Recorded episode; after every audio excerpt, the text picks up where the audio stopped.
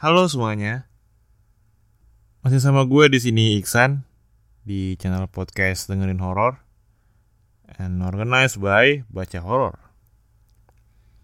Di episode 10 ini gue masih mau ceritain tweet horor dari Twitter. Dan sebelum gue mulai, gue mau nyampe sesuatu yang cukup penting buat didengar. Ini terkait dengan virus corona yang ada di luar sana. Gue cuma mau ngasih tahu tentang protokol-protokol kedatangan sampai di rumah dari berpergian. Jadi gue dapetin informasi ini dari Kementerian Dalam Negeri Republik Indonesia. Dan gue bakal jelasin ke kalian sedikit aja informasi buat kalian yang sering keluar dan ke rumah. Bagaimana protokol-protokol yang harus dikerjakan atau step by step ketika kalian dari luar ke rumah. Yang pertama adalah buka sepatu di pintu sebelum memasuki rumah. Step kedua, semprotkan disinfektan pada barang yang dibawa. Misalnya sepatu, tas. Kemudian buang semua benda yang tak dibutuhkan. Kayak struk ATM, struk Indomaret, Alfamart. Dan yang keempat, masuk rumah langsung cuci tangan dan kaki dengan sabun. Step 5. Buka pakaian dan langsung tepatkan pakaian kotor ke mesin cuci. Step 6. Jangan menyentuh apa pun. Step 7. Jangan langsung beristirahat. Step 8 atau yang ke-8, langsung mandi pakai sabun. Dan setelah itu barulah kita menyapa keluarga. Oke? Oke, kita mulai aja ceritanya yang berjudul digodain dan diajak ikut sama penunggu Gunung Arjuna. Atau orang menyebut Gunung Arjuno. Tweet ini gue dapat dari Ed Yunis KMA dari mbak-mbak manis ini yang bernama Yuni Sukma. Cerita ini berdasarkan pengalaman saya pribadi. Gunung Arjuno Salah satu gunung di Jawa Timur yang lumayan terkenal dengan kemistisannya. Saya melakukan pendakian ini sekitar akhir tahun lalu. Tanggal 29 Desember 2019 bersama empat rekan saya. Awal rencana kami akan melakukan pendakian via Purwosari. Tapi karena saya mendadak haid, kami pun memutuskan untuk beralih ke jalur Tretes. Hari itu tepatnya pada tanggal 30 Desember 2019 sekitar jam 10 pagi, kami memulai pendakian. Kami berjalan dengan ritme santai dan tidak berburu-buru. Meskipun santai, kami tetap punya target untuk sampai di Kop-Kopan atau pos 2 sebelum maghrib. Karena katanya penunggu yang di kop-kopan ini rese dan sensitif. Hari itu kami diguyur hujan yang sangat deras sampai akhirnya jam 2 siang kami sampai di kop-kopan. Kami pun rehat di pos 2 dan mendirikan bivak dari flysheet untuk berteduh dan menghangatkan badan. Menjelang maghrib, hujan pun reda. Dan kami pun memutuskan untuk melanjutkan perjalanan selepas maghrib. Jadi mereka ini di walaupun santai, tapi mereka ini punya tujuan kalau sebelum maghrib ini harus sampai di pos 2. Yang katanya di pos 2 ini penunggunya itu rese dan sensitif. Kemudian kami pun melanjutkan perjalanan. Sejauh perjalanan, kami tidak ada yang aneh dan semua masih biasa saja. Sebelum akhirnya kami tiba di tanjakan terakhir sebelum pondokan atau bisa disebut pos 3. Jadi sebelumnya kami sempat berhenti lama di trek. Ya repotnya trek malam kalau berhenti lama pasti ngantuk dan akhirnya ketiduran, ketiduran hampir satu jam di jalur. Oke, jadi mereka ini tiduran ketiduran di jalur selama kurang lebih sejam. Pas mau ke pos 3 dan sekitar jam 11 malam kami tiba di tanjakan terakhir sebelum pos 3. Langkah sudah mulai berat karena kapasitas oksigen pun menipis. Mulai dari sini hawanya udah nggak enak. Saya memang, saya memang bukan anak indie home, tapi untuk hal yang seperti ini saya agak sensitif dan peka. Kemudian fokus saya agak teralihkan ke sekitar waktu itu. Saya dalam hati ngomong, wah rame banget. Disambut lah. Jadi si Mbak Yonik Sukma ini kayak merasa disambut karena mereka di si Yuni Sukma ini merasa kayak sensitif banget dengan suasana sedik sekitar. Dan sampai nyeletuk kalau wah rame banget. Disambut tah. Memang mereka nggak nampak. Tapi mereka tapi hawa mereka sangat jelas saya rasakan saat itu. Hawa-hawa menyergap yang membuat dada saya sesak Kemudian saya mulai memperlambat langkah saya agar bisa menyeimbangkan langkah kawan saya yang di belakang. Jadi saat itu posisi kami berlima dan saya di tengah dua rekan saya di depan dan dua lagi di belakang. Saat itu saya perempuan sendiri. Jadi mbak ini lima orang, dua orang depan, dua orang di belakang, dan dia di tengah sendiri. Langkah kaki saya semakin berat karena pikiran udah mulai kacau dan gak tenang. Ya mungkin memang benar kata dia, kalau memang udah pikiran nggak tenang ya mindset kita bahwa alam sadar kita juga memang nggak tenang. Kebawa ke fisik kita. Jadi berat lemas dan ya gue pernah ngalamin itu juga.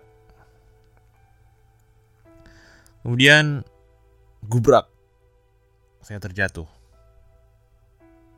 kemudian saya terjatuh begitu saja ketika mata saya melihat sesuatu yang begitu besar di samping kanan saya Jadi Mbak Sukma ini melihat sesuatu yang besar di sebelah kanannya dan dia jatuh. Bayangkan, tinggi saya hanya sepahanya saja. Dia seperti mau menerkam saya sambil membisikkan, ayo ikut. Membayangkan sosoknya pun masih membuat saya merinding. Damn. Gue pun merinding anjir ini gue baca juga merinding cok like lu mikir gak sih dia ngeliat sebelah kanan dan tingginya cuma sepahanya aja jadi dia cuma lihat paha makhluk itu nah, tinggi banget coy Kata-kata ayo ikut saya terus terngiang-ngiang di telinga saya. Kawan-kawan yang lain mulai bersikir dan membuat surat-surat pendek. I'm sorry, dan membaca surat-surat pendek. Saya berboro-boro baca surat pendek. Mengucapkan lafaz astagfirullah pun nggak keluar-keluar dari mulut saya. Dan pada malam itu saya hanya bisa meyakinkan diri bahwa saya tidak mau ikut tidak mau ikut dia dalam tanda kutip makhluk tadi. Saya juga nggak mau mengganggu dia. Saya pun tidak berniat aneh-aneh di sini. Saya terus meyakinkan diri dan teriak-teriak bilang, Gak mau, saya nggak mau ikut kamu. Kamu siapa ngajak-ngajak saya? Mbak Sukma ini terus-menerus meneriakkan kata-kata itu sambil terpejam karena jujur dia nggak mau dan nggak berani lagi lihat sosok itu. Sawan. Itu yang saya rasakan. Tapi kawan saya yang lain hanya mendengar saya menangis, padahal tenggorokan saya sampai kering. Teriak-teriak seperti itu. Saya kemudian mengumpulkan seluruh tenaga dan meyakinkan diri untuk bisa berdiri. Karena jujur, saat itu rasanya seperti ketindihan dan sangat sulit untuk bergerak. Mas Irfan, salah satu teman pendakian saya, terus-menerus menyuruh saya untuk membuka mata. Akhirnya saya membuka mata saya, lalu kemudian langsung bangkit dan mengajak teman-teman saya untuk segera pergi dari tempat ini. Dan mbaknya ini pun beserta teman-temannya langsung menurut dan Mas Goten membawakan karir saya. Jadi Mbak Sukma ini udah tergeletak jadi dicapek banget terus tenggorokannya kering karena nangis tadi dan dia meyakinkan diri buat bisa berdiri. Karena dia jujur saat itu badannya udah ketindihan kayak berat banget. Untung temennya yang namanya Mas Irfan itu buat kayak jadi penolong dia buat no bikin saya ini buka mata Akhirnya Mbak Sukma ini buka mata dan mengajak teman-temannya langsung pergi. Kemudian Mas Goten bawa karirnya, bawa tasnya. Ketika meneruskan perjalanan ke pos 3, oh masih di pos 3 nih. Tadi pos 2, masih di antara pos 2 dan pos 3 kan. Jadi mereka masih perjalanan pos 3. Ketika meneruskan perjalanan ke pos 3, saya benar-benar tidak berani membuka mata sampai jalan daya Sampai-sampai jalan saya dituntun oleh Mas Irfan. Oke, Mbak Sukma ini nggak masa masih sampai belum berani buka mata karena tadi dan akhirnya pun dia dituntun sama Mas Irfan. Dalam pikiran saya saat itu adalah saya harus tenang.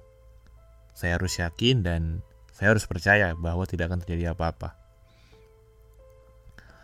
Akhirnya kami sampai di pondokan dan teman-teman langsung mendirikan tenda karena saya masih merasa diawasi, saya pun berusaha mengabaikan dan menyibukkan diri dengan membuat kopi dan teh untuk menghangatkan badan. Dan akhirnya setelah menghangatkan badan, kami pun memutuskan untuk istirahat. Saya pun terlelap, namun semuanya ternyata belum selesai. Sekitar jam 2 pagi, saya terbangun karena merasakan ada sesuatu yang mengelilingi tenda kami. Jam 2 pagi, mbaknya merasakan ada yang mengelilingi tendanya. Kemudian saya berusaha mengabaikan hal tersebut. Sampai ketika suatu suara mendekat tepat ke sisi tenda, saya tidur. Sampai ketika suara itu mendekat tepat ke sisi tenda saya tidur. Saya tidak tahu apa itu dan tidak mau tahu. Saya memejamkan mata sampai ketika saya mendengar dia mulai meraba-raba. Sisi tenda saya seperti mencakar dinding. Jadi kayak ada yang datang terus ada yang mencakar-cakar tendanya dari samping kayak gini ya you know lah kayak mana caranya kan.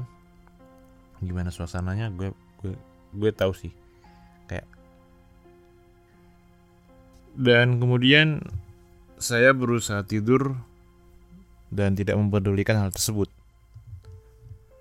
Nyali saya tidak ada setangguh itu dan untuk mengecek ada apa sih di luar tenda kami.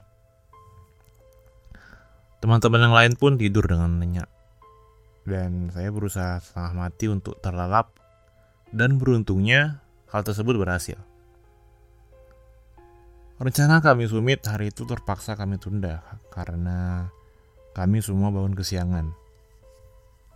Maklum, sepertinya teman-teman juga kecapean karena jalan semalam. Hari itu kami putuskan untuk berjalan-jalan menuju lembah Kidang. Lembah Kidang saja. Keesokan harinya tanggal 1 Januari 2020. Wow. Jadi mereka ini mendakinya pas tahun baru anjay. Gokil anjay. Tanggal 29 dia mendaki pas startnya kan start trekkingnya jadi tanggal 1 Januari itu dia mulai start lagi start summit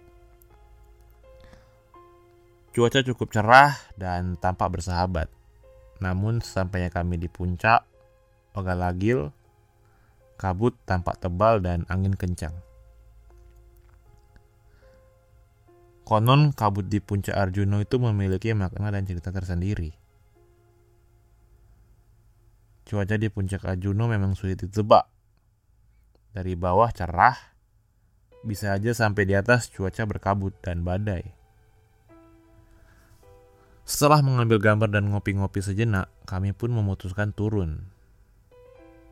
Kami melewati pasar Dieng. Di sini ada banyak batu tersusun seperti makam. Saat itu kabut masih cukup pekat sampai-sampai kami salah memilih jalur dan hampir masuk ke jurang. Di penghilatan kami, semua sepertinya di depan ada punggungan, padahal tidak ada. Kenyataannya di sekeliling kami adalah jurang. Saya mulai skeptis atau saya mulai ragu karena mendengar suara tangisan bayi dan ibunya seperti sedang menenangkan. Mas Goten, benar nggak jalannya? Benar ini Yun, insya Allah, kata Mas Goten. Kemudian teman-teman yang lain menyahut. Mundur, mundur. Ada putar balik sambil nunggu kabut reda. Di depan itu jurang. Mas Goten pun menurut sambil berputar balik. Dia nyeletuk. Aduh, Kayaknya jalannya memang salah. Soalnya tadi ada suara bayi nangis ya Yun. Mas Irfan pun langsung menyahut dan ngomong ini. Eits, tahan mas. Di tenda aja ceritanya. Ini kita cari jalan ke atas dulu. Aku pun hanya bisa diam dan bergumam dalam hati, ternyata yang dengar suaranya tidak cuma aku. Berarti yang dengar suara bayi itu bukan cuma Mbak Sukma dan teman-temannya pun juga dengar. Mas Irfan, Mas Goten dan lain-lain. Dan akhirnya pun mereka mencari jalan ke atas.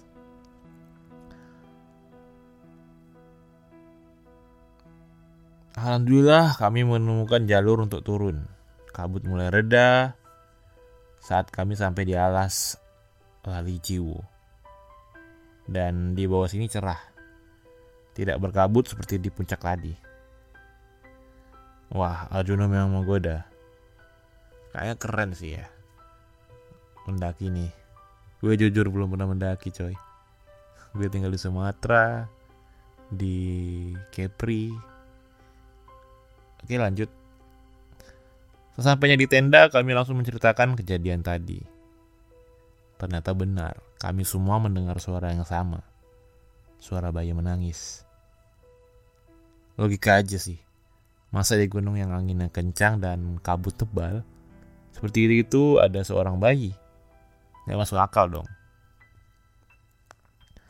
Keesokan harinya kita lanjut ke puncak Welirang. Jadi puncak Gunung Arjuna ini ada empat. Yang pertama tuh puncak Ogalagil, yang tadi dia yang tadi mereka udah lewatin terus kembar satu kembar dua dan welirang sekarang mereka udah di welirang udah lewatin kembar satu dan kembar dua ya gak sih kemudian di trek itu menuju puncak welirang kita pasti bakal ketemu sama para penambang belerang karena cuma di welirang yang ada kawahnya nah mereka bawa gerobak buat ngangkut belerangnya. Seperti biasa kita tegur sapa sama bapak-bapak penambang itu. Nah terus waktu saya pisah jalur sama rombongan, mereka pada ambil jalan pintas yang agak menanjak dan saya jalan di jalur yang bisa penambang lewatin karena memang agak landai. Jadi Mbak Sukma ini pisah jalur sama rombongan. Kawan-kawannya ambil jalan pintas yang agak menanjak tapi Mbak Sukma ini lewat jalur yang biasa penambang lewatin.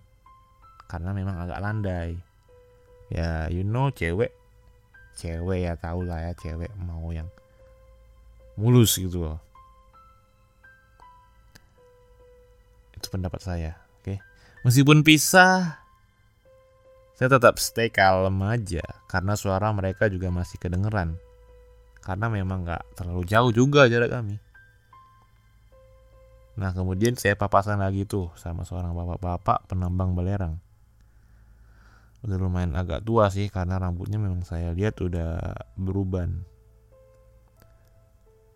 Yang saya tegur lah. Monggo Pak De. Tapi beliau diam saja. Dan pas banget ketika papasan sama saya, saya melihat karung yang berisi belerang itu mengucurkan darah. Wow, saya kaget dan shock. Dan refleks. Pak deh, itu kenapa berdarah? Beliau lagi-lagi cuma diam dan gak menjawab jawaban saya. Saya sama sekali gak kepikiran hal-hal yang aneh sih. Jujur saya malah khawatir sama bapaknya. Takut ada luka atau gimana. Sambil melanjutkan perjalanan, saya coba tengok ke belakang karena suara gerobak yang gerak-gerak itu berhenti. Yang pas saya tengok, kosong, gak ada siapa-siapa. Jadi Mbak Sukma ini pas dia melanjutkan perjalanan, dia coba buat tengok ke belakang karena dia merasa aneh. Kok suara gerobak yang kredek-kredek-kredek itu kok menghilang sih? kayak berhenti gitu dan pas Mbak Sukma ini nengok ke belakang loh kok kosong nggak ada siapa-siapa pikir saya kok bapaknya cepet amat sih saya refleks turun lagi balik lagi buat lihat bapaknya dan sebelum turunan panjang kalaupun bapaknya jalan cepet ya mesti ada karena turunannya panjang. Tapi itu nihil. Bapaknya sama sekali nggak ada. Saya kaget dan benar-benar nggak habis pikir. Oh, jadi sebelum turunan panjang, kalaupun bapaknya jalan cepat, ya mesti ada karena turunannya panjang. Iya sih, benar juga. Oke, dan itu nihil. Bapaknya sama sekali nggak ada. Mbak Sukma kaget dan benar-benar nggak habis pikir. Dan saat saya masih mikir dan diem buat mikirin hal tersebut, tiba-tiba saya dengar ada bisikan di telinga saya. Kenapa do? Bisikan aja rupanya nggak ada dong. Anjing gue merinding, cok. Refleks saya lari ke atas, ngejar teman-teman yang lain. Saya takut waktu itu benar-benar takut. Masih takut. Saya berusaha menenangkan diri sambil jalan. Saya pun ngomong gini. Ah, cuman halu. Cuman halu, cuman halu, cuman halu begitu terus sampai ke atas. Padahal suara bisikan tadi itu bener-bener nyata banget. Saya lihat di atas teman-teman pada istirahat nungguin saya yang lagi pada ngopi dan ngobrol sama pendaki lain. Kemudian Mas Irfan bertanya sama saya. Aman Yun? Aman kok mas. Tadi ngobrol, tapi didiamin sama bapak-bapak penambang di bawah. Udah agak tua sih, orang udah ubanan. Kemudian pendaki yang lain yang sudah dari tadi duduk di situ menyaut. Lah mbak, kita dari tadi duduk di sini, nggak ada bapak-bapak lewat. Dek. Saya kaget dan, hah, serius mas? Saya tadi papasan sama bapak-bapak baju abu-abu lusuh. Serius mbak nggak ada. Udah lama kita duduk di sini. Walah, Mungkin gak ketemu emas kali. Ya mungkin mbak. Saya langsung diam saja sambil bergumam dalam hati. Oh, jadi bapak tadi itu bukan orang. Pantes diam aja.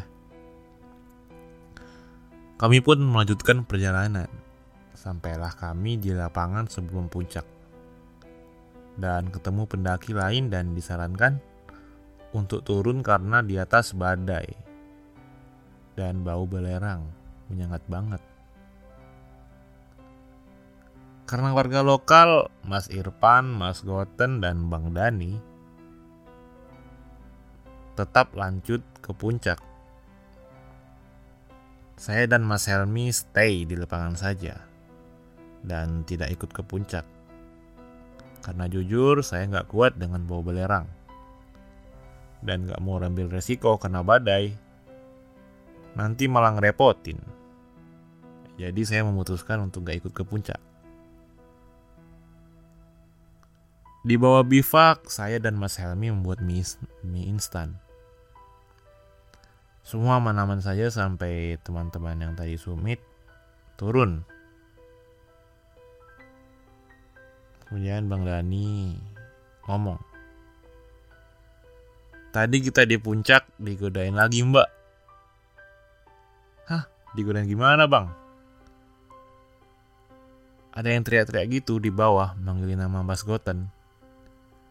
Padahal kan yang cuma Sumit bertiga doang. Dan di bawah nggak ada orang.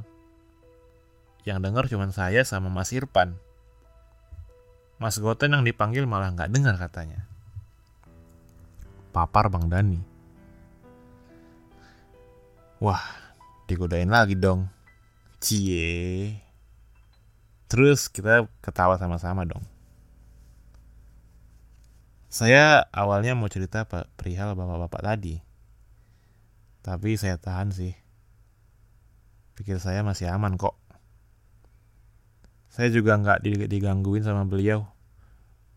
Cuma di cuma dibisikin saja.